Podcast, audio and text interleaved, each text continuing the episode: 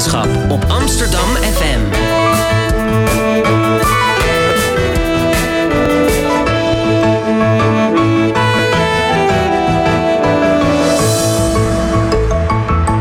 Radio Swammerdam. Goedemorgen allemaal en welkom bij een nieuwe Zwammerdam, het wekelijkse radioprogramma over wetenschap op Amsterdam FM. Mijn naam is Vrouwtje Waterbok en ik presenteer deze uitzending samen met Maribeth. Uh, vandaag hebben we het over eh, criminaliteit in het verleden en in het heden als onderdeel van ons nieuwe dossier op het slechte pad. Uh, voordat we beginnen nog even een kleine mededeling aan onze luisteraars.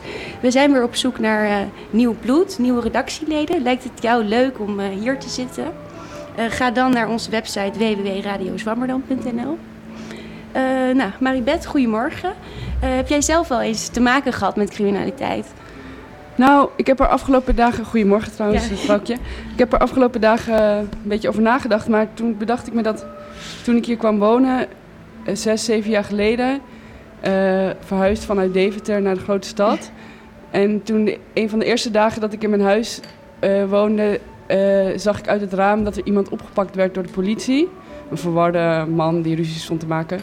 Toen dacht ik, oh ja, nu, ik ben echt in de grote stad beland. Maar als ik erover nadenk, heb ik eigenlijk nooit meer, heb ik afgelopen zes jaar nooit meer zoiets meegemaakt. Dus eigenlijk ja, het valt eigenlijk wel mee, ja. Het valt wel mee, ja. Want uh, Amsterdam, het staat bekend om zijn tolerante en vrijzinnige beleid. Maar uh, dat heeft ook een keerzijde op de stad. Aantrekkingskracht op de maffia, criminele praktijken bij coffeeshops, liquidaties, grootschalige vrouwenhandel op de wallen. Nou ja, het ligt natuurlijk allemaal niet zo zwart-wit. Maar de vragen die onderzoekers zichzelf stellen uh, als ze naar criminaliteit onderzoek doen, kan je eigenlijk opsplitsen in drie vragen. Wie doet het? Waar gebeurt het? En wat doen we eraan? Aan tafel zit uh, bij ons Henk Elvers. Goedemorgen. Hallo. Uh, senior onderzoeker bij het Nederlands Studiecentrum Criminaliteit en Rechtshandhaving. En uh, emeritus hoogleraar empirische bestudering van strafrechtpleging aan de VU. jij bent hier naar aanleiding van de publicatie Beroemd en Berucht Criminaliteit in Amsterdam. Ehm, hoe, dat instituut, waarom heeft dit boek naar buiten gebracht? ja. ja, ons instituut zit al een flink aantal jaren in Amsterdam. En uh, wij vonden eigenlijk dat wij als NSCR, Nederlands Studiecentrum Criminaliteit en Rechtshandhaving, een beetje weinig bekend zijn in Amsterdam. En hoe komt dat? Omdat wij een onderzoeksinstituut zijn dat zich richt op uh, het schrijven van highbrow artikelen in ingewikkelde tijdschriften die meestal in het Engels in Amerika worden uitgegeven. En als je dan kijkt wat er over Amsterdam aan criminaliteit bekend is, dan blijft het vaak bij de jaarlijkse publicatie van de criminaliteitscijfers die de politie ja. heeft uh, uh, gepubliceerd. Of de AD misdaadmeter, wat iets dergelijks is, maar dan in de krant.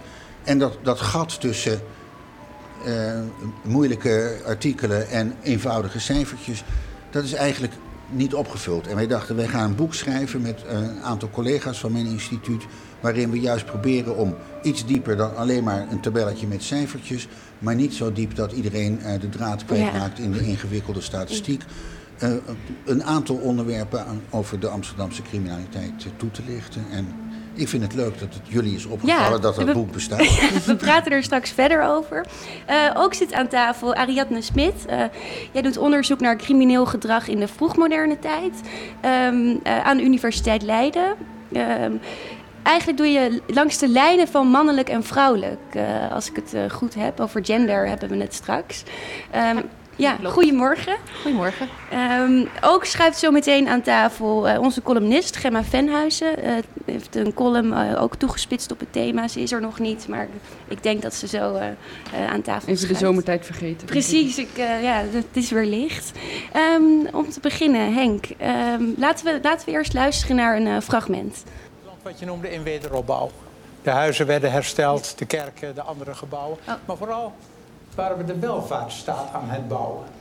Wat we zeggen, de AOW kwam tot stand, ouderdomspensioen voor iedereen. En het ziekenfonds, of ziektewet, medische zorg voor iedereen. Dat gebeurde. En in die tijd zat ik met mijn jonge gezin, we woonden in een singlehuis in Utrecht. En overal hingen touwtjes uit de brievenbussen. De kinderen konden gewoon de voordeuren opentrekken en bij elkaar binnenlopen. Volwassenen ook. We vertrouwden elkaar. En we zeiden, make love, not war. En we hadden natuurlijk kritiek op de regering en we vonden dat de dingen anders moeten. Maar we wantrouwden ze niet. De regering had moreel gezag in die tijd. Ja, we hoorden D66-nestor Jan Terlouw, eh, die eind november in de Wereldrijd Door met deze woorden nostalgisch terugblikte op de, naoorlogse periode. Ehm, hij kreeg veel bijval en uh, er spreekt een beeld van verlangen naar een tijd waarin nou ja, vertrouwen en we allemaal ons touwtje uit de, brievenbus hebben hangen. Henk, uh, denk je dat deze jaren voorgoed achter ons liggen? nee, helemaal niet. Kijk, ik denk, uh, het touwtje uit de brievenbus een uh, prachtig beeld. Maar uh, de suggestie dat we tegenwoordig in een stad of in, in, een land wonen waar de mensen niet meer op elkaar letten, die is volkomen onterecht. de meeste gevallen dat er iets misgaat, zal je zien dat de omstanders uit het raam kijkend zich daarmee bemoeien. Misschien is het touwtje niet meer zo uh, gebruikelijk, dat uh, geloof ik wel. Ik heb ooit eens onderzoek gedaan in de gemeente Middelharnis... Uh, waar men zich zorgen maakte over de criminaliteit en de veiligheid. En het eerste wat ons opviel toen we daar binnenkwamen in, in dat in dorp... was dat daar inderdaad overal die touwtjes uit die brievenbussen hingen... Dus wij zeiden meteen tegen de burgemeester: wat komen wij hier eigenlijk ja. doen? Is er eigenlijk wel een probleem? Nou, dat is typisch, denk ik, zoals we met criminaliteitsproblemen in het algemeen omgaan. Dus een enorm sterke beeldvorming van wat er aan de hand is. Maar in de dagelijkse praktijk van het dagelijks leven eh, zul je niet zo heel veel meemaken van criminaliteit. Eh, jij vertelde ja. het net al.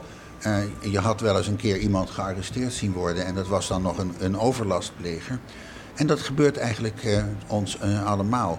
Als je uitrekent hoe vaak er een inbraak is in Nederland, elk huis heeft een kans om ingebroken te worden eens in de 40 jaar. Ja, dat is... Dus uh, we moeten ook een beetje. Uh, kalm. Niet, maar, ja. ja. maar blijkbaar, Blijf kalm. blijkbaar voelen we ons dus wel onveiliger als dit.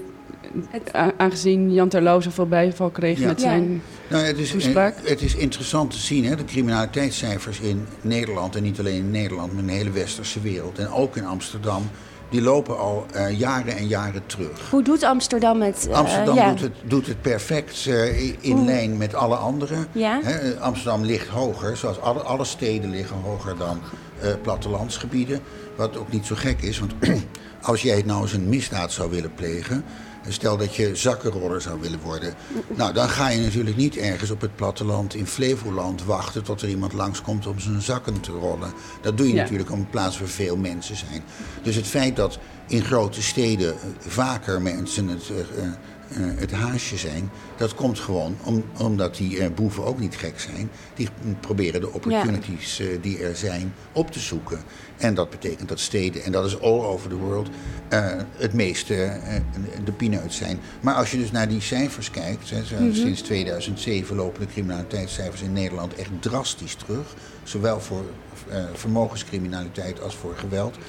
Dan loopt Amsterdam helemaal niet uit de pas. Ze staan de hoge kant, net als andere steden, maar ze gaan ook netjes naar beneden en ongeveer net zo hard als de rest van Nederland. En dan zal ik meteen een bekentenis doen. Ja. Eigenlijk weten criminologen niet zo heel goed hoe dat komt.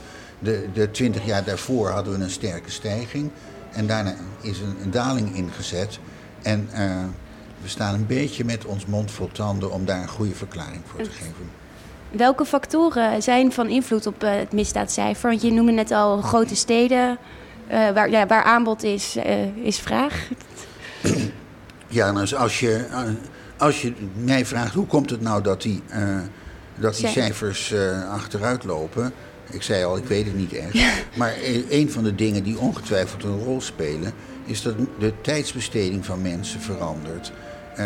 In de tijd van Terlouw en zijn, en zijn touwtje liepen de meeste kinderen op straat. Dat gebeurt veel minder. De meeste kinderen zitten tegenwoordig ach, als ze al op straat lopen, lopen ze op hun telefoon Ja, het- te staren. Dus de, de tijdsbesteding en dus ook de gelegenheid om je te misdragen, die heeft een enorme verandering ondergaan. Natuurlijk kan dat ook met zich meebrengen dat je criminaliteit op een andere manier ziet gebeuren. Dus eh, eh, cybercrime, eh, pesten, Ja. oplichten via eh, het internet. Maar we hebben eigenlijk niet zo'n heel goed beeld of het nou zo is dat die mensen die zich vroeger aan gewone criminaliteit bezigden, dat die zich nu eh, in de cyberwereld misdragen. Het is een, een, een hypothese die vaak naar voren wordt gebracht, maar we hebben er nog geen harde cijfers over. Ja. Ehm, zoals ik al zei, eh, het boek Beroemd en Berucht eh, Criminaliteit in Amsterdam. Jouw eh, bijdrage bestond uit een onderzoek naar guardianship. En net zei je ook al even, als we allemaal naar, naar buiten kijken, dan gebeurt er. En de, elkaar een beetje in de gaten houden, dan gaat, gebeurt er minder crimineel gedrag. Hoe, wat voor onderzoek heb je daar naar gedaan? Kan je daar Nou, iets over kijk, dat, zodra het woord criminaliteit valt, dan zal binnen eh, eh, 20 seconden het, eh, de mededeling er moet meer blauw op straat Ja, komen. En in- daarna dat er strenger gestraft Ja, moet worden. ook- Dat zijn allebei dingen waar ik eh, geen cent voor geef. Kijk, eh, stel dat wij hier uit het raam kijken en we zien daar beneden iets gebeuren wat niet eh, deugt. Dan is de manier waarop we daarop zouden moeten reageren, dat we daar zelf iets mee doen. De kans dat er een politieagent langskomt is namelijk ongeveer nul. Er zijn gewoon te weinig politieagenten en dat vind ik ook maar prima ook. Want ik, zou niet graag in een stad wonen waar elke derde burger een politieagent Nee, is. dat, Maar eh, dus, dus de gedachte eh, dat als we nou twee keer zoveel agenten zouden hebben, dat, dat wat daar buiten gebeurt wel door een agent wordt opgemerkt, dat is een beetje onzinnig. Dus wat er feitelijk gebeurt is dat andere mensen eh, een enorme rol spelen. En die andere mensen noem ik dan guardians, hè, de mensen die op kunnen letten. En het interessante aan guardianship is dat je, je vaak je guardianship uitoefent zonder dat je dat zelf maar weet. Stel dat ik eh, Door- jou nou eh, een kopje kleiner zou willen maken om de een of andere reden, dan zal ik dat natuurlijk niet hier en nu doen. Want eh, hier zitten twee andere dames aan de tafel, die zouden mij eh, kunnen verklappen of tegenhouden. En, en Elmer ook nog, en eh, weet ik veel. Ja. Dus, en het interessante is, als ik jullie nou zou vragen... heb je nog een misdrijf eh, voorkomen de laatste tijd? Dan zeggen jullie nee. je, Je weet niet dat Je- zojuist, gewoon door puur aanwezigheid, al een, een bijdrage hebt geleverd. En natuurlijk, als er dan iets gebeurt, ja, dan hoop ik wel graag dat er eh, ook wordt opgetreden. En daar zijn eh, allerlei andere onderzoeksplannen voor. Maar mijn punt is eigenlijk, mensen weten niet hoe belangrijk gewoon het, Het bes- aanwe- het ja. aanwezig zijn van mensen. En als je dus iets hebt als dat ergens een criminaliteitsprobleem is, dan kan je proberen dat op te lossen door meer mensen aanwezig te laten zijn. Als je in een straat waar nooit, eh, nooit iemand langskomt veel problemen ziet, dan moet je daar dus een hondenuitlaatplaats eh, maken of een bushalte neerzetten of een snackbar openen. Eh, ik zeg altijd, eh, mensen klagen vaak over hondenpoep. Hondenpoep is een Is- teken dat het heel veilig in de straat is. Want daar lopen namelijk eh, de baasjes van die honden met die honden langs. En zo, als zij daar lopen, op dat moment gebeurt er gegarandeerd niks. Nou, gegarandeerd 99% van de keren gebeurt er niks. Maar we hoeven dus niks, eigenlijk hoeven we zelf niks te doen voor dat guardianship. We hoeven niet een opleiding te volgen of zo. Of een... Nee, het, het, het- een heel belangrijk gedeelte van het guardianship is dat je er bent. En, of, is- in feite, je kan een boef al bang voor je zijn, zelfs al ben je er niet, al als je alleen maar vreest dat je er bent. Als Ja. je gaat inbreken in een straat en je, je ziet aan de overkant dat het licht brandt, dan ben je als boef waarschijnlijk eh, iets, iets voorzichtiger, omdat je bang bent dat zo direct verschijnt er iemand voor dat raam en ziet wat er gebeurt. Dus het, het, het, aanwezig zijn of de, de kans dat er iemand aanwezig is, is belangrijk. Natuurlijk, eh, we weten dat er niettemin criminaliteit gebeurt. Er wordt ingebroken.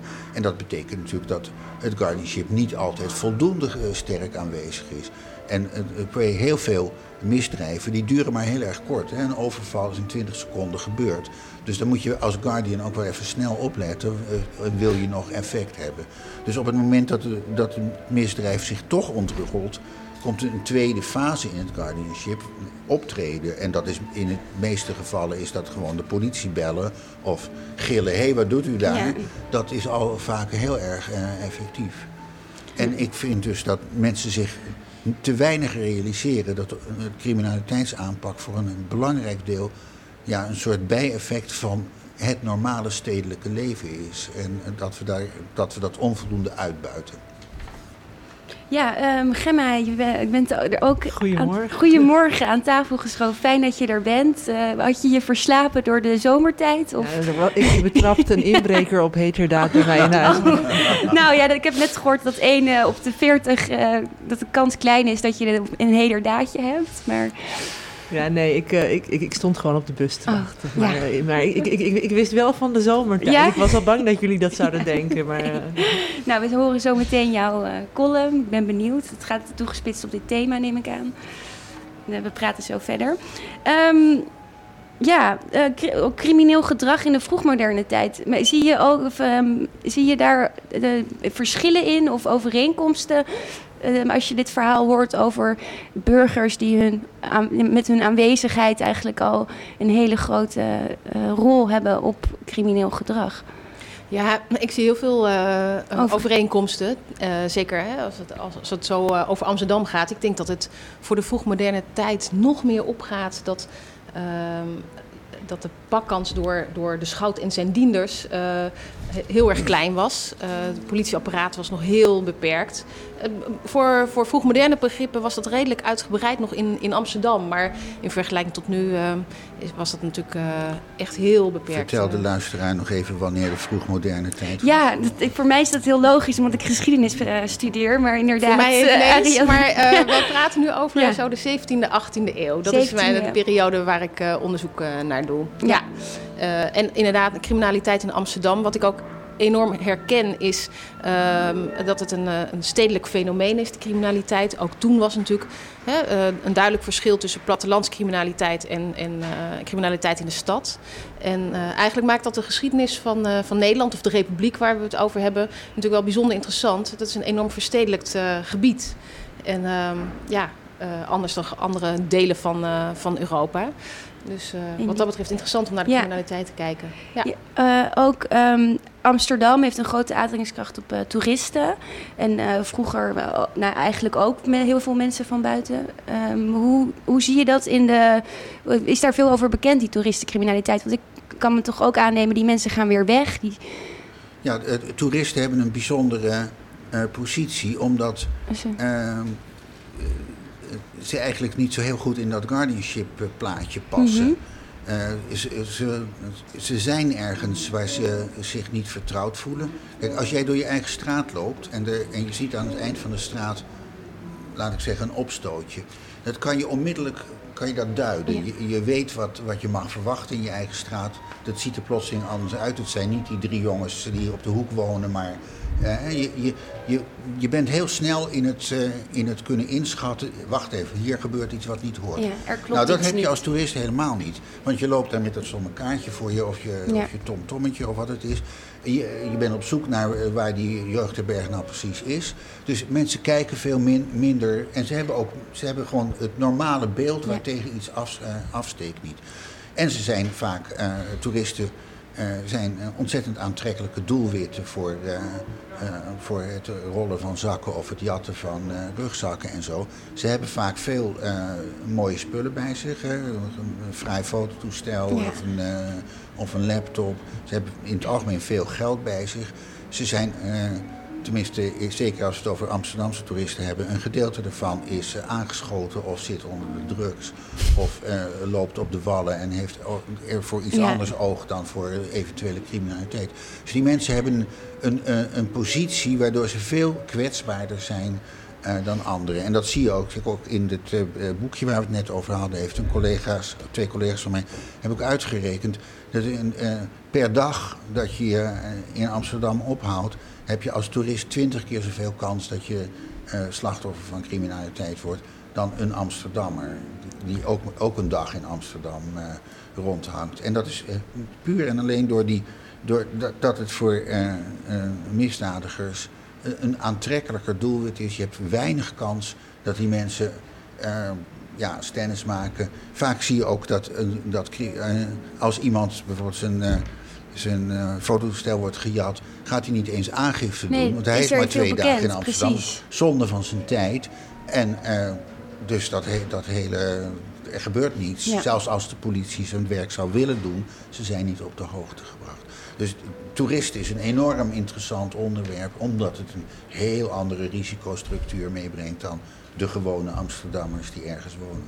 Maar ik kan me ook voorstellen dat uh, met dat idee van guardianship, dat het ook niet meer zo goed werkt, omdat die toeristen niet meer jouw mede-stadsbewoners zijn, toch? Tenminste, ik heb het gevoel, als ik een, ik denk als ik een toerist zou zien die, een, uh, die wordt aangevallen of uh, ik weet niet of een of ander probleem heeft, dan zou ik daar misschien minder snel naartoe gaan dan als ik wist dat het mijn mede-stadsbewoner was. Nou, ik denk dat op het moment dat, dat, dat je feitelijk iemand slachtoffer van criminaliteit ziet worden, heb je een grote kans dat je wel degelijk iets doet. Maar inderdaad, het, het opletten van tevoren. Hè. Jij verkeert in een uh, hotel en daar lopen ook drie Canadezen en twee uh, uh, Taiwanese rond. Je kunt hun gedrag veel minder makkelijk begrijpen. Dus een van die, van die mensen die daar loopt is, is misschien een, een zakkenroller. Maar die kunnen wij niet zo goed uh, vatten, omdat het toch, toch al niet zo heel erg duidelijk is wat, hoe Taiwanese en Canadezen zich gedragen in zo'n situatie. En die jongens die dit artikel hebben geschreven, die hebben zich dus ook, die zijn zelf onder de dertig en die hebben zich dus als toeristen gedragen. Die zijn gewoon uh, allemaal toeristenhotels ingegaan, hebben van alles nog wat gevraagd en zijn aan een pubcrawl gaan meedoen. En inderdaad, dan zie je dus criminaliteit gebeuren in een veel hoger. Ze, waren, ze kwamen een overval tegen, ze zagen dat uh, er aan hun eigen spullen uh, gemorreld werd. En dat soort dingen gebeuren dus op een veel. Ja, het is moeilijker om guardianship uit te oefenen over toeristen. Daarnaast zijn die toeristen natuurlijk ook voor een deel zelf boeven. Ja. het is niet alleen maar slachtofferschap, het zijn ook mensen die gewoon hier speciaal naartoe komen om zich te misdragen. Ja. Um, ja, toch nog even over het guardianship. Ik ken mijn buren eigenlijk nauwelijks. Dus is, het, is er, zijn er voorbeelden, experimenten geweest dat het echt ook in grote steden werkt? Want ik, ja, ik, ik let wel op ze, maar ik weet, ja, ik weet eigenlijk niks. Ken, ken, kennen jullie je buren goed? Ik... Nee, niet zo goed. ik, als ik, nee. Als ik weet, ik heb geen idee als het licht aan is of, uh, of uit. Of, ja, dus dat nou, er zijn wel uh, inderdaad experimenten uh, meegedaan. Het, het is uh, best lastig om experimenten mm -hmm. over guardianship te doen. Ja, want... Want je moet eigenlijk dus je moet eigenlijk boeven hebben die, die, komen meedoen. Ja. dus een, een collega van mij, Maud van Bavel, die doet op het ogenblik een proefschriftonderzoek waarin ze experimenten doet waarin studenten zich moeten misdragen. Die wordt gevraagd om een een fiets uit de fietsenstalling van de VU uh, te jatten. En? en? En, dan kijken we, en dat doen ze dan soms op ogenblikken dat er heel veel guardians, dus passanten, andere studenten, die verder helemaal niet in het experiment zijn. En een ander uh, moment doen we het uh, als het heel stil is, dus, maar tussen de, de, de, wisseltijden van de colleges.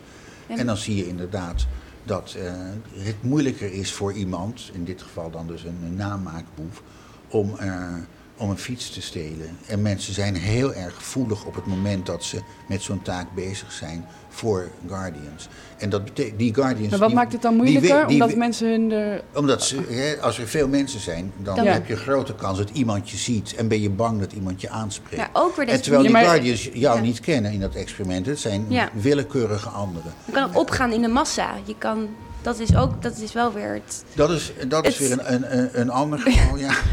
het, ja. Het, nou, het zijn hele leuke experimenten. Ja, het zijn precies, en, mooi uh, voorbeeld. En, uh, mensen zijn ook vaak van mening dat, uh, dat mensen niet meer durven op te treden. Ja, nou, dat is helemaal niet waar. Dat... zodra er iets gebeurt... Er, zijn de meeste mensen, of nou de meeste is misschien overdreven, maar zijn heel veel mensen geneigd om daar iets aan te doen. Ook mensen die van zichzelf zeggen: ik, ik ben wel gek, ik doe het niet. Die bellen heus wel de politie of die openen het raam. En, en daarbij speelt denk ik te, uh, het onderwerp... ik ken mijn buren niet betrekkelijk weinig een rol. Uh, als jij een, een, een, inbreker daar het raam van jouw buren ziet binnentreden... dan denk ik dat je toch gaat, iets gaat doen. Maar Ja, mijn buren die hebben een Airbnb geopend oh. op, op zolder. Dus dat maakt het dan weer moeilijker. Omdat ik niet, ik niet weet wie er allemaal in mijn gang rondloopt. Dat mag niet in uh, Amsterdam. Ik ben nog wel benieuwd wat er dan gebeurt met die studenten die dus fietsendieven moeten spelen. Wat als zij worden betrapt? Ik bedoel, dan worden ze zometeen ingerekend voor een misdaad die ze Daar hadden we natuurlijk een heel ingewikkeld... Uh, protocol voor. Ze liepen met een. Uh, in de eerste plaats was het de fiets van de onderzoekster die ze moesten jatten. Dus die had toestemming gegeven. Dus eigenlijk is het geen diefstal. En ze liepen met een, uh, een, uh, een brief op zak waarom ze nee, dit is een experiment, sla mij niet in elkaar. Maar dat gebeurt helemaal niet hoor. Dus het, het feit dat er iemand langsloopt is voor de meeste proefpersonen dan je moet even niet te doen. Uiteindelijk hebben de meesten toch wel voor elkaar gekregen met kloppend hart. En de mensen zijn vreselijk bang dat ze, iemand ze ziet die ze kennen. Dus hè, dat jij bezig bent een fiets te stelen als zodanig zichtbaar. En dan komt er een andere student die je kent langs en die dat vinden mensen verschrikkelijk. Imago, veel, eh, veel verschrikkelijker dan een willekeurige ja. Maar dat is natuurlijk het sociale netwerk. Misschien van de gemiddelde inbreker zal wat, wat kleiner zijn... of zal uit meer inbrekers of criminelen bestaan... waardoor die het minder erg vinden om door een bekende betrapt te worden. Zeker, En zeker als je natuurlijk een, uh, als je een veelpleger bent... en het al heel veel keren gedaan hebt... dan uh, zakken die, die morele barrières wat naar beneden. Dieper. Ja, um, we praten straks verder met uh, Ariane Smit over de vroegmoderne tijd en uh, criminele zaken. Uh, maar ik wil graag Gemma Venhuizen uitnodigen om haar column voor te lezen. Ik ga heel eventjes mijn laptop oh, openklappen, ja, want mijn printer die deed het ook niet. Oh. Het was een goede ochtend. Even kijken hoor. Ja. nou, het handig is dat ik de tekst wat groter kan zetten. Ja. Goed. Dit gaat over mijn ervaring met criminaliteit in Amsterdam. Het gebeurde ruim vijf jaar geleden tijdens de museumnacht. Samen met mijn nichtje liep ik over de Nieuwe Zijdskolk richting Centraal Station. We waren al in het Scheepvaartmuseum geweest, in het Handtassenmuseum, in het Planetarium, in de Portugese synagoge en het Paleis op de Dam en nu zigzagten we wat door de stad. Plotseling voelde ik een felle ruk aan mijn schoudertas ik droeg hem kruislings over mijn schouder om tasjesdieven voor te zijn, maar tegen deze ruk was het hengsel, hengsel niet bestand. Verdwaasd keek ik toe hoe, voor mij over de stoep, een man op een mountainbike wegreed, met mijn tas in zijn rechterhand. Hé, hey, die mag hier helemaal niet fietsen, dacht ik eerst. Pas toen drong het tot me door. Ik was beroofd. Van mijn lievelingstas nog wel, een exemplaar in de vorm van een schaap. Een paar tellen keken mijn nicht en ik elkaar beduust aan. Toen zetten we de achtervolging in. En terwijl we renden, gebeurde er iets vreemds.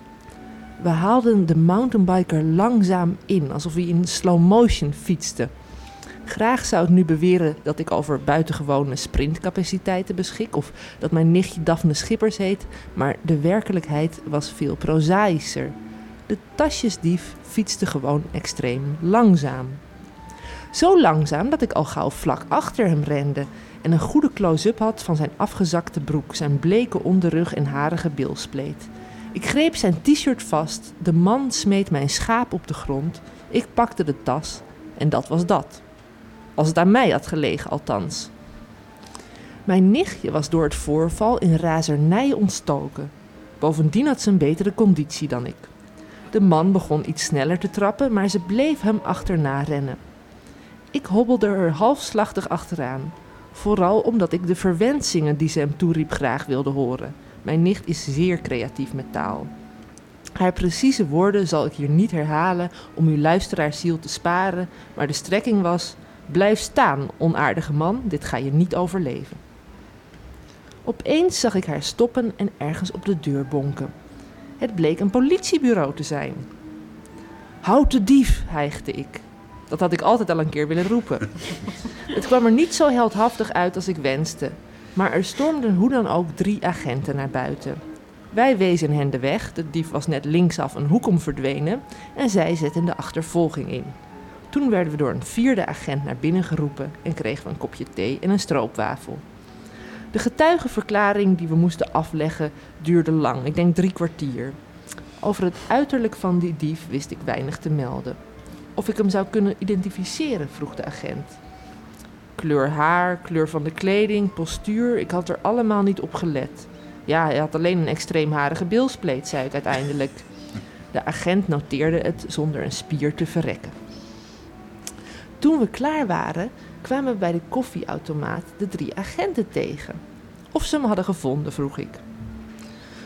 Ja, we hebben wel een man op een mountainbike ingerekend, zei de kleinste van het stel, en we denken dat dat hem is. Kun je een signalement geven? Ik noemde de beelspleet weer en de drie mannen lachten. Dan hebben we de goede te pakken. Ze vertelde dat de man eerder op de dag de mountainbike had gestolen en dat hij daags daarvoor uit Oost-Europa in Nederland was gearriveerd. Waarschijnlijk was dit de eerste keer dat hij op een fiets zat, zei de langste van het stel. Alle drie lachten ze weer en opeens had ik medelijden met de dief. Helemaal vanuit een ander land hierheen gereisd en nu zou hij waarschijnlijk linea recta weer naar huis worden gestuurd. Ik drukte mijn schaap tegen me aan, bedankte de agenten en liep met mijn nichtje naar de uitgang. Bij de deur draaide ik me om. Zegt u maar tegen de dief dat het me spijt, zei ik. Toen liepen mijn nicht en ik de museumnacht weer in, waar we nog een knipoog kregen van een bekende Nederlander. Maar dat is een ander verhaal dat maar een andere keer moet worden verteld. Dankjewel. Uh, Zo'n gebeurtenis vergeet je nooit meer, volgens mij. Uh, wat hebben jullie reacties? Heb je ook al zoiets voor soort gelijks meegemaakt? Ben je een keer beroofd, uh, Ariane? Uh, nee, ik geloof niet dat. Uh, uh, dat lijkt me heel beangstigend. om dat dat toch. ja, nou, na afloop. Echt, ja, ja, ik kan me voorstellen dat je daarna echt een reactie hebt gehad. Ja, ik ben een jaar lang echt voorzichtig geweest op mijn tas. Nu absoluut niet meer. Maar. oh nee, moeten, moeten alle tasjes die we niet luisteren. ja. Dus uh, nee, ik ben er wel een keer opgelicht. Ik ben uh, veel te veel geld uh, als borg voor een kamer betaald. Dus dat was ook een hele nare ervaring. Het is inderdaad, gegeven moment gaat je niet meer om het geld, maar om het feit dat je zo verschrikkelijk bedonderd bent. En ja. Ja, en Henk vroeg me eigenlijk af, dit, is het nou zo dat met de komst van meer toeristen in Amsterdam dat dit soort voorvallen meer voorkomen? Of is het, want je zei net wel dat de nou ja, criminaliteit daalt, maar ja, nou, maar goed, dat, die cijfers zijn altijd uh, de criminaliteit per persoon. Hè? Dus als er meer mensen komen, heb je ook in het algemeen meer criminaliteit. Maar dat, uh, er komen wel steeds meer toeristen, maar het gaat niet zo snel dat dat het... Uh, het aantal, of de daling van criminaliteit opheft. Hoor. Nee. Zo erg is nou ook allemaal weer niet. Ik, met het aantal toeristen. ik vroeg me net tijdens jouw verhaal vroeg ik me af of ik er dan zo toeristisch heb uitgezien die nacht. Dat, dat, dat die dief dacht van. Maar ja, aan de andere kant. Ik denk dat het feit dat dat, dat dus. Eh, ik weet niet, het woord museumnacht begint geloof ik om acht uur s avonds. Maar het was waarschijnlijk al eh, behoorlijk laat. Ja, druk. Uh, en, en die man. Ja. En jij had, was waarschijnlijk inmiddels overvoerd door indrukken. Niet meer zo verschrikkelijk alert als je s ochtends om acht uur geweest. En die man kwam ook net uit een ander land. Dus die had misschien wat wij hebben dan wat je zei bij Canadezen of Taiwanese. Misschien had hij bij Nederlanders dat hij dat niet zo goed kon inschatten. Ik bedoel, het feit dat hij niet kon fietsen en toch een fiets gebruikte. ik denk dat het een, eh, laat ik zeggen, een, eh, geen eh, zeer ervaren boef was. Maar nee, dat... Wat ik een, een heel interessant onderwerp, onderdeel van jouw verhaal vind, is A, dat het vijf jaar geleden gebeurd is. Als dat betekent dat je daarna vijf jaar lang vrij geweest bent van criminaliteit, dan is dat weer een, eh, een mooie illustratie van mijn bewering. Uh, het is allemaal vreselijk, maar we moeten het ook niet overdrijven. En wat ik ook heel erg herken, is dat je eigenlijk niet, dat je geen beschrijving wist te geven van uh, de dief. Ik heb zelf eens gehad dat ik gewoon voor mijn raam van mijn kamer op de eerste verdieping zat te werken. En plotseling zie je, realiseer ik me dat er al een, een poosje een paar mannen bezig zijn om een auto open te breken. Dat, ik ja. word, word, wakker. Ik bel de politie. En uh, ik vraag wat moet ik doen. En ze zeiden van, nou zorg dat ze je niet zien, want dan zijn ze weg voordat uh, dat wij er zijn. Ze waren er binnen twee minuten. Leven de Amsterdamse politie. Maar helaas was er net een uh, vrouw met een kinderwagen verschenen, dus ze hadden zich teruggetrokken. En dus ik loop naar buiten en ik zeg tegen die agent achter het stuur: ja, ze zijn toch net weg. En toen vroeg hij: hoe zagen ze eruit? Nou, dat had ik me nog helemaal niet gezegd. Terwijl ik dus echt minuten naar ze heb zitten kijken. Dus ik, en die man, eh, die, man, die agent was een Surinamer, die dacht dat ik niet wilde zeggen dat ze zwart waren. Dat was helemaal niet. Ze waren helemaal niet zwart, waren gewoon pik, pikwitte mannetjes. Maar dus ik wist het gewoon niet. Dus, ja, ik weet het niet. Ja, ja, gewoon postuur, weet je wel. Ja, nou ja, dat man, was natuurlijk volstrekt, volstrekt zinloos. En de agenten zijn dus ook uh, weggegaan. Later heb ik nog wel de eigenaar van de auto een, een briefje kunnen ondertekenen... dat ik gezien had dat hij mm. slachtoffer was van criminaliteit. Ja. Lastig. Uh, het, oh ja, het geheugen, dat uh, kan je, is ook niet altijd betrouwbaar in dat ook soort... Leuk. Ja, ja zeker. maar als het vrouwen waren geweest, had je het waarschijnlijk wel onthouden. Dat denk ik, dat, uh, dat denk ik, nou ja, dat weet je Goed niet. Goed experiment. Ja. dat is proberen. Dat, dat valt al meteen op, want uh, nou ja. Um, we hebben het net met Henk Elvers gehad over criminaliteit in het heden. En ik wil graag nu het tweede deel van het gesprek doen met Ariane Smit over crimineel gedrag, gedrag in het verleden. goedemorgen nogmaals. Uh, jij bent bezig met een onderzoek naar criminaliteit en gender in de 17e en 18e eeuw. Wat we net al, dat is dus de vroegmoderne tijd.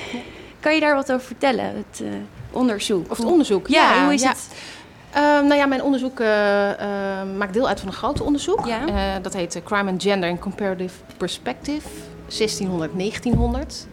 wat we aan de Universiteit uh, van Leiden uitvoeren onder leiding van Manon van der Heijden. En um, wat we eigenlijk willen doen is een, um, uh, meer zicht krijgen of uiteindelijk een uh, model ontwikkelen om veranderingen in vrouwencriminaliteit ja, te verklaren. Hè, hoe komt dat nou? En wat we doen is onderzoek naar criminaliteit in verschillende steden, ja. in verschillende Europese steden.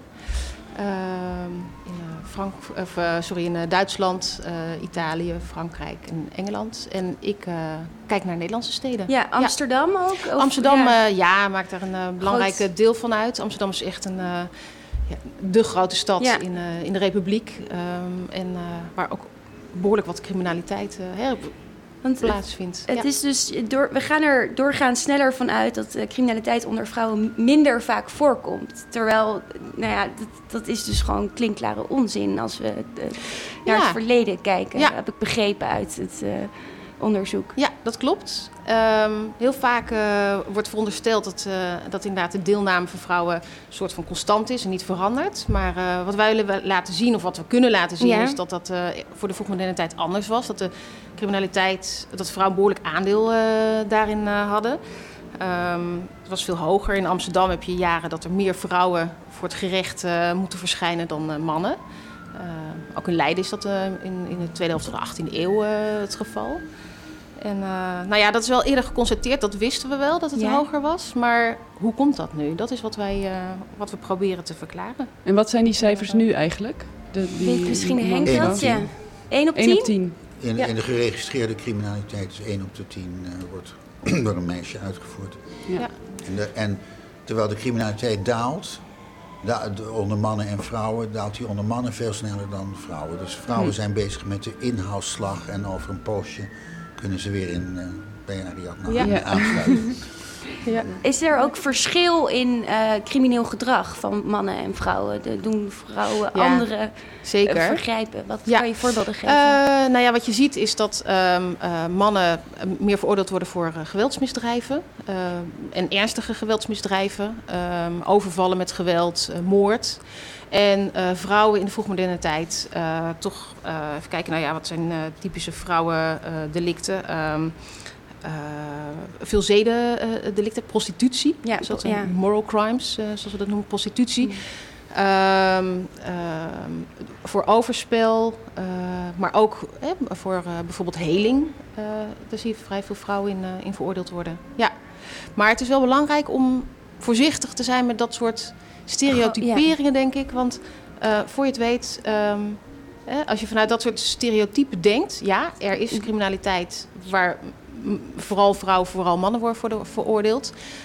Um, maar zorg vooral dat je je blik open houdt voor de variaties in, uh, in criminaliteitspatronen. Want die zijn er zeker ook. Maar overspel wordt nu niet meer als crimineel. Nee, eh, precies. En er wordt wel vaak gezegd hè, dat. Uh, uh, oh, maar daarom was natuurlijk de ja. vrouwencriminaliteit zo hoog in, uh, in de 17e eeuw. Want nu wordt helemaal prostitutie of, of overspel. Of, nou ja, eigenlijk meer algemeen ehm, seksualiteit, seks buiten het huwelijk. Ja. is niet meer strafbaar. Daar bemoeit men zich niet op dat niveau mee.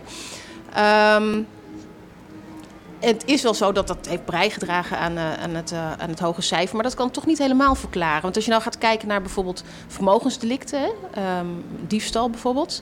Dan zie je dat toch ook uh, in sommige jaren de, de man-vrouw verhoudingen... nou misschien nog net geen 50-50 is, maar toch dat van aanzienlijk aan zeker 30% van, van de veroordeelde dieven uitmaken. Dus het, ja, kan je een uh, profiel geven van zo'n vrouw die vroeger leefde en uh, voor, op het schavot uh, gestaan heeft? Ja. Ja de, ja, de, straf is afhankelijk ja, hè, van precies, het. dat, dat varieert, maar ja. dat is inderdaad een van de is straffen. Er, um, ja. zijn, er, zijn er bekende vrouwen of zijn er verhalen van? Ja, ik denk een hele bekende is, is Elsje Christiaans, die hier aan de overkant van het ei um, nou ja, geëindigd is. Ze was hier, die is ter dood veroordeeld omdat zij.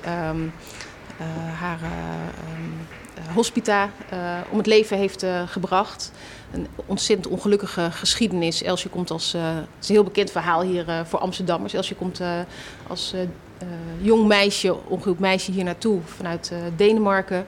Ehm, zoekt een baantje.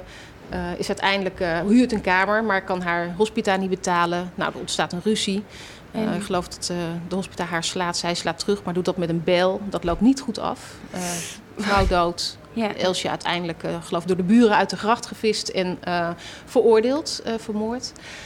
Um, ja, Elsje is in zoverre atypisch. Er zijn niet heel veel vrouwen die vermoord veroordeeld worden. Maar haar, de manier waarop zij in die criminaliteit terechtkomt is wel heel typisch. namelijk als ongehuwde vrouw, vrij jong nog. Kwetsbaar ook. Kwetsbaar. Komt naar de stad toe, op zoek naar werk, aangetrokken, zoals ontzettend veel vrouwen. Um, zij ook nog van ver. Het gaat niet, niet alle vrouwen komen van zover, maar uh, ja, uh, bijzonder kwetsbaar, op zoek naar werk, niet in staat om te betalen. En, en um, veel vrouwen kozen in Elsjes plaats waarschijnlijk om uh, diefstal te gaan plegen, komen in de prostitutie terecht, dat soort zaken. Um, ja, Elsje eindigt ongelukkiger. Heel, ja, tragisch ja. dus, door kwetsbaarheid. ja, de, en dat, Henk, dat zie je, die verschillen zijn vandaag de dag ja, prostitutie, dat is ook een groot probleem in Amsterdam. En dat zijn eigenlijk ook gewoon hele kwetsbare vrouwen die beschermd moeten worden. Of kan je daar wat iets over vertellen? Nou, eh, eh, recent, eh, natuurlijk toen de, het, uh, prostitutie gelegaliseerd werd uh, in het eind van de vorige eeuw, daar was toen een enorm optimistische gedachte dat uh, vanaf dan het een beroep als alle anderen waren en dat sommige vrouwen daarvoor kozen en daarmee hun brood verdienden. Maar dat is eh, volstrekt verkeerd uitgepakt. Ja. als je nu de prostitutie in Amsterdam moet kenschetsen, dan vrezen wij dat er een enorm aantal men, vrouwen uit Oost-Europa en uit Afrika hier gedwongen in de prostitutie zitten. Dus slachtoffers zijn van mensenhandel. En dat is een, een, een nou ja, dat is een, schandelijke misstand in onze stad. Ja. waar vreemd genoeg nog altijd geen uh, serieuze aanpak voor bestaat.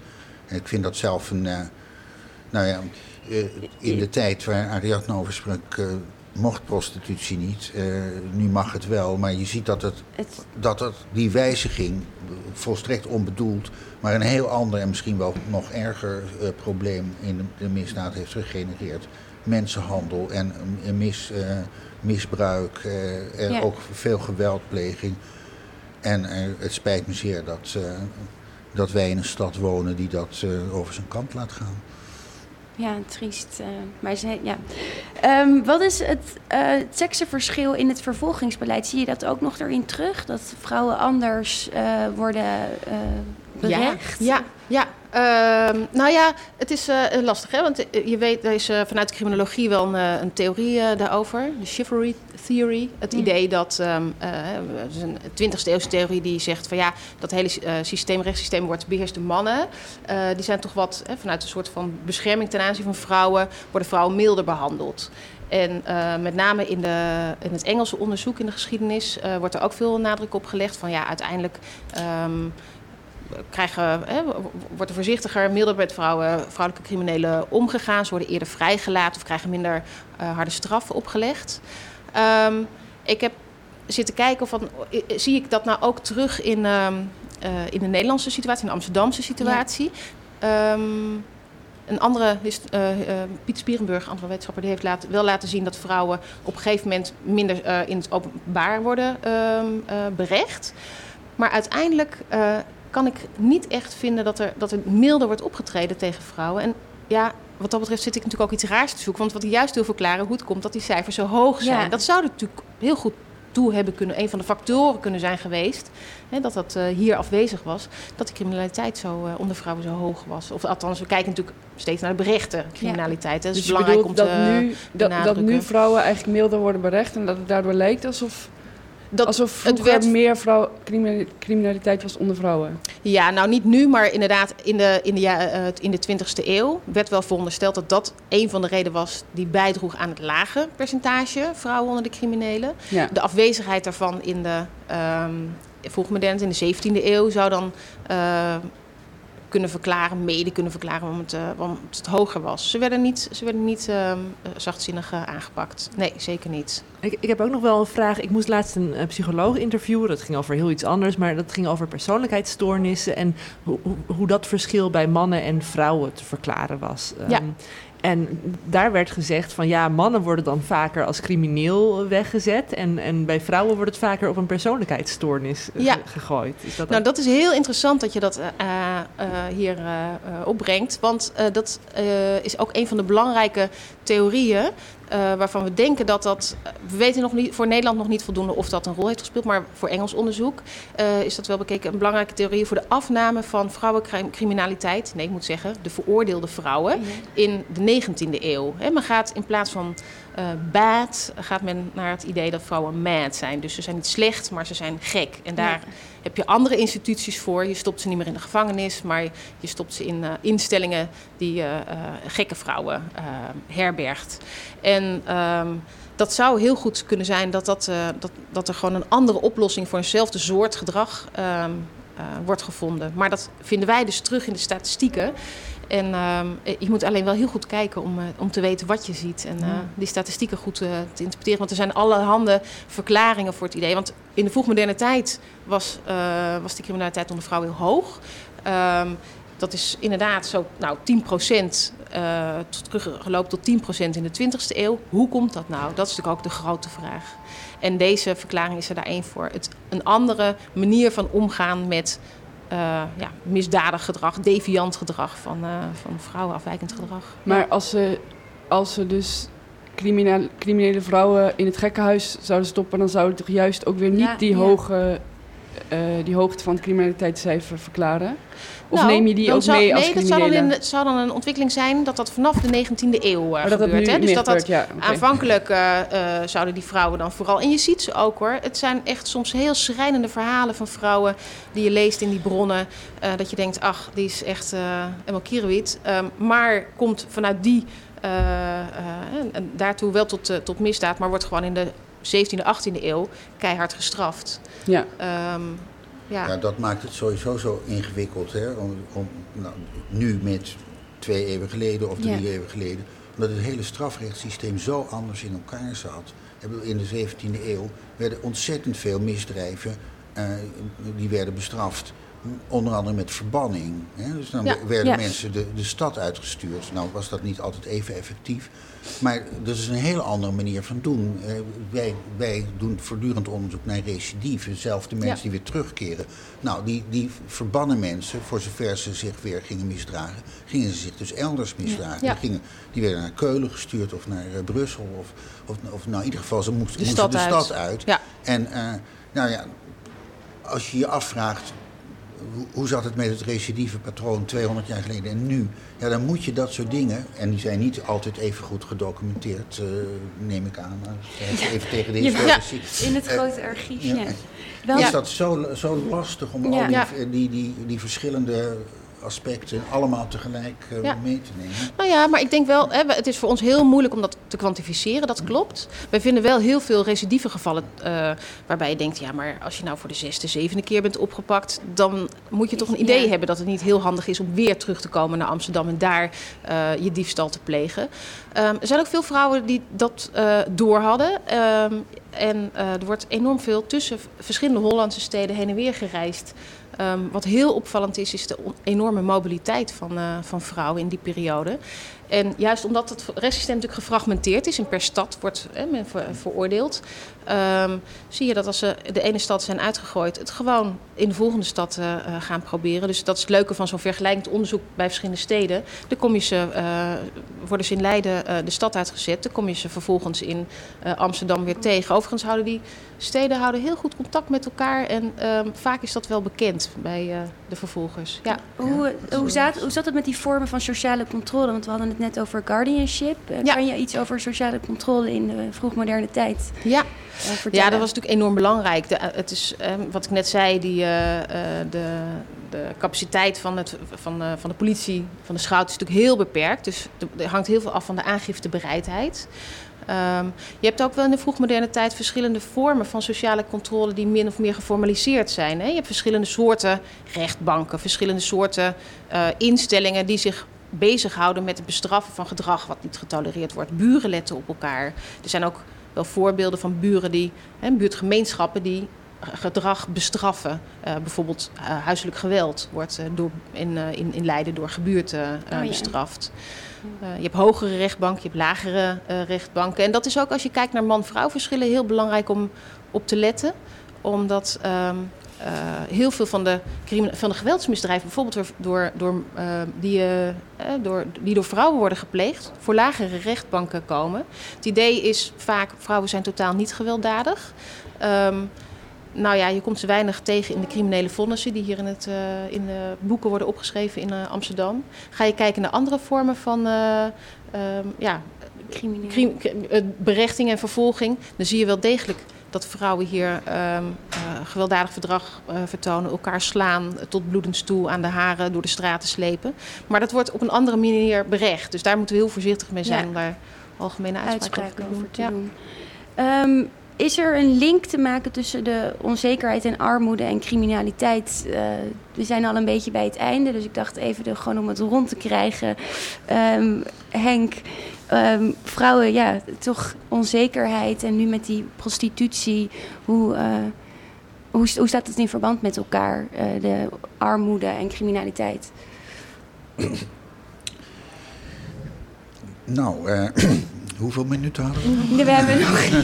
nee, nou, een van de, van de verklaringen ja. die vaak voor criminaliteit wordt gegeven, is dat mensen om een normaal leven te leiden uh, als ze in een situatie verkeren dat ze dat niet op een legale manier doen, dat ze dan naar illegale middelen grijpen. Dat is ook uh, regelmatig aangetoond dat daar een kern van waarheid in zit. En, maar daarbij moet je dat toch vooral in een zeg maar in vergelijkend perspectief zien. Ja. Want in, in, zekere zin kan je zeggen, vergeleken met de tijd die Ariadne bestudeerde, komt armoede in Nederland helemaal niet meer voor natuurlijk. Hè.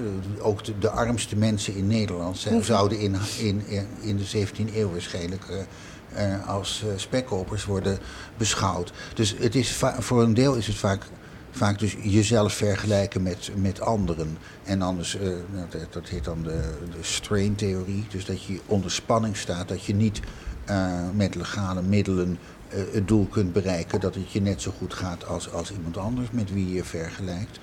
Uh, en, in die, in, en daar zijn ook zeker wel, uh, wel aanwijzingen voor. Aan de andere kant zijn er in de criminologie veel mensen die het vooral vanuit de gelegenheid zien. Van nou ja, in principe zijn wij met z'n vijf hier aan tafel ook heel, heel geschikt om criminaliteit te plegen.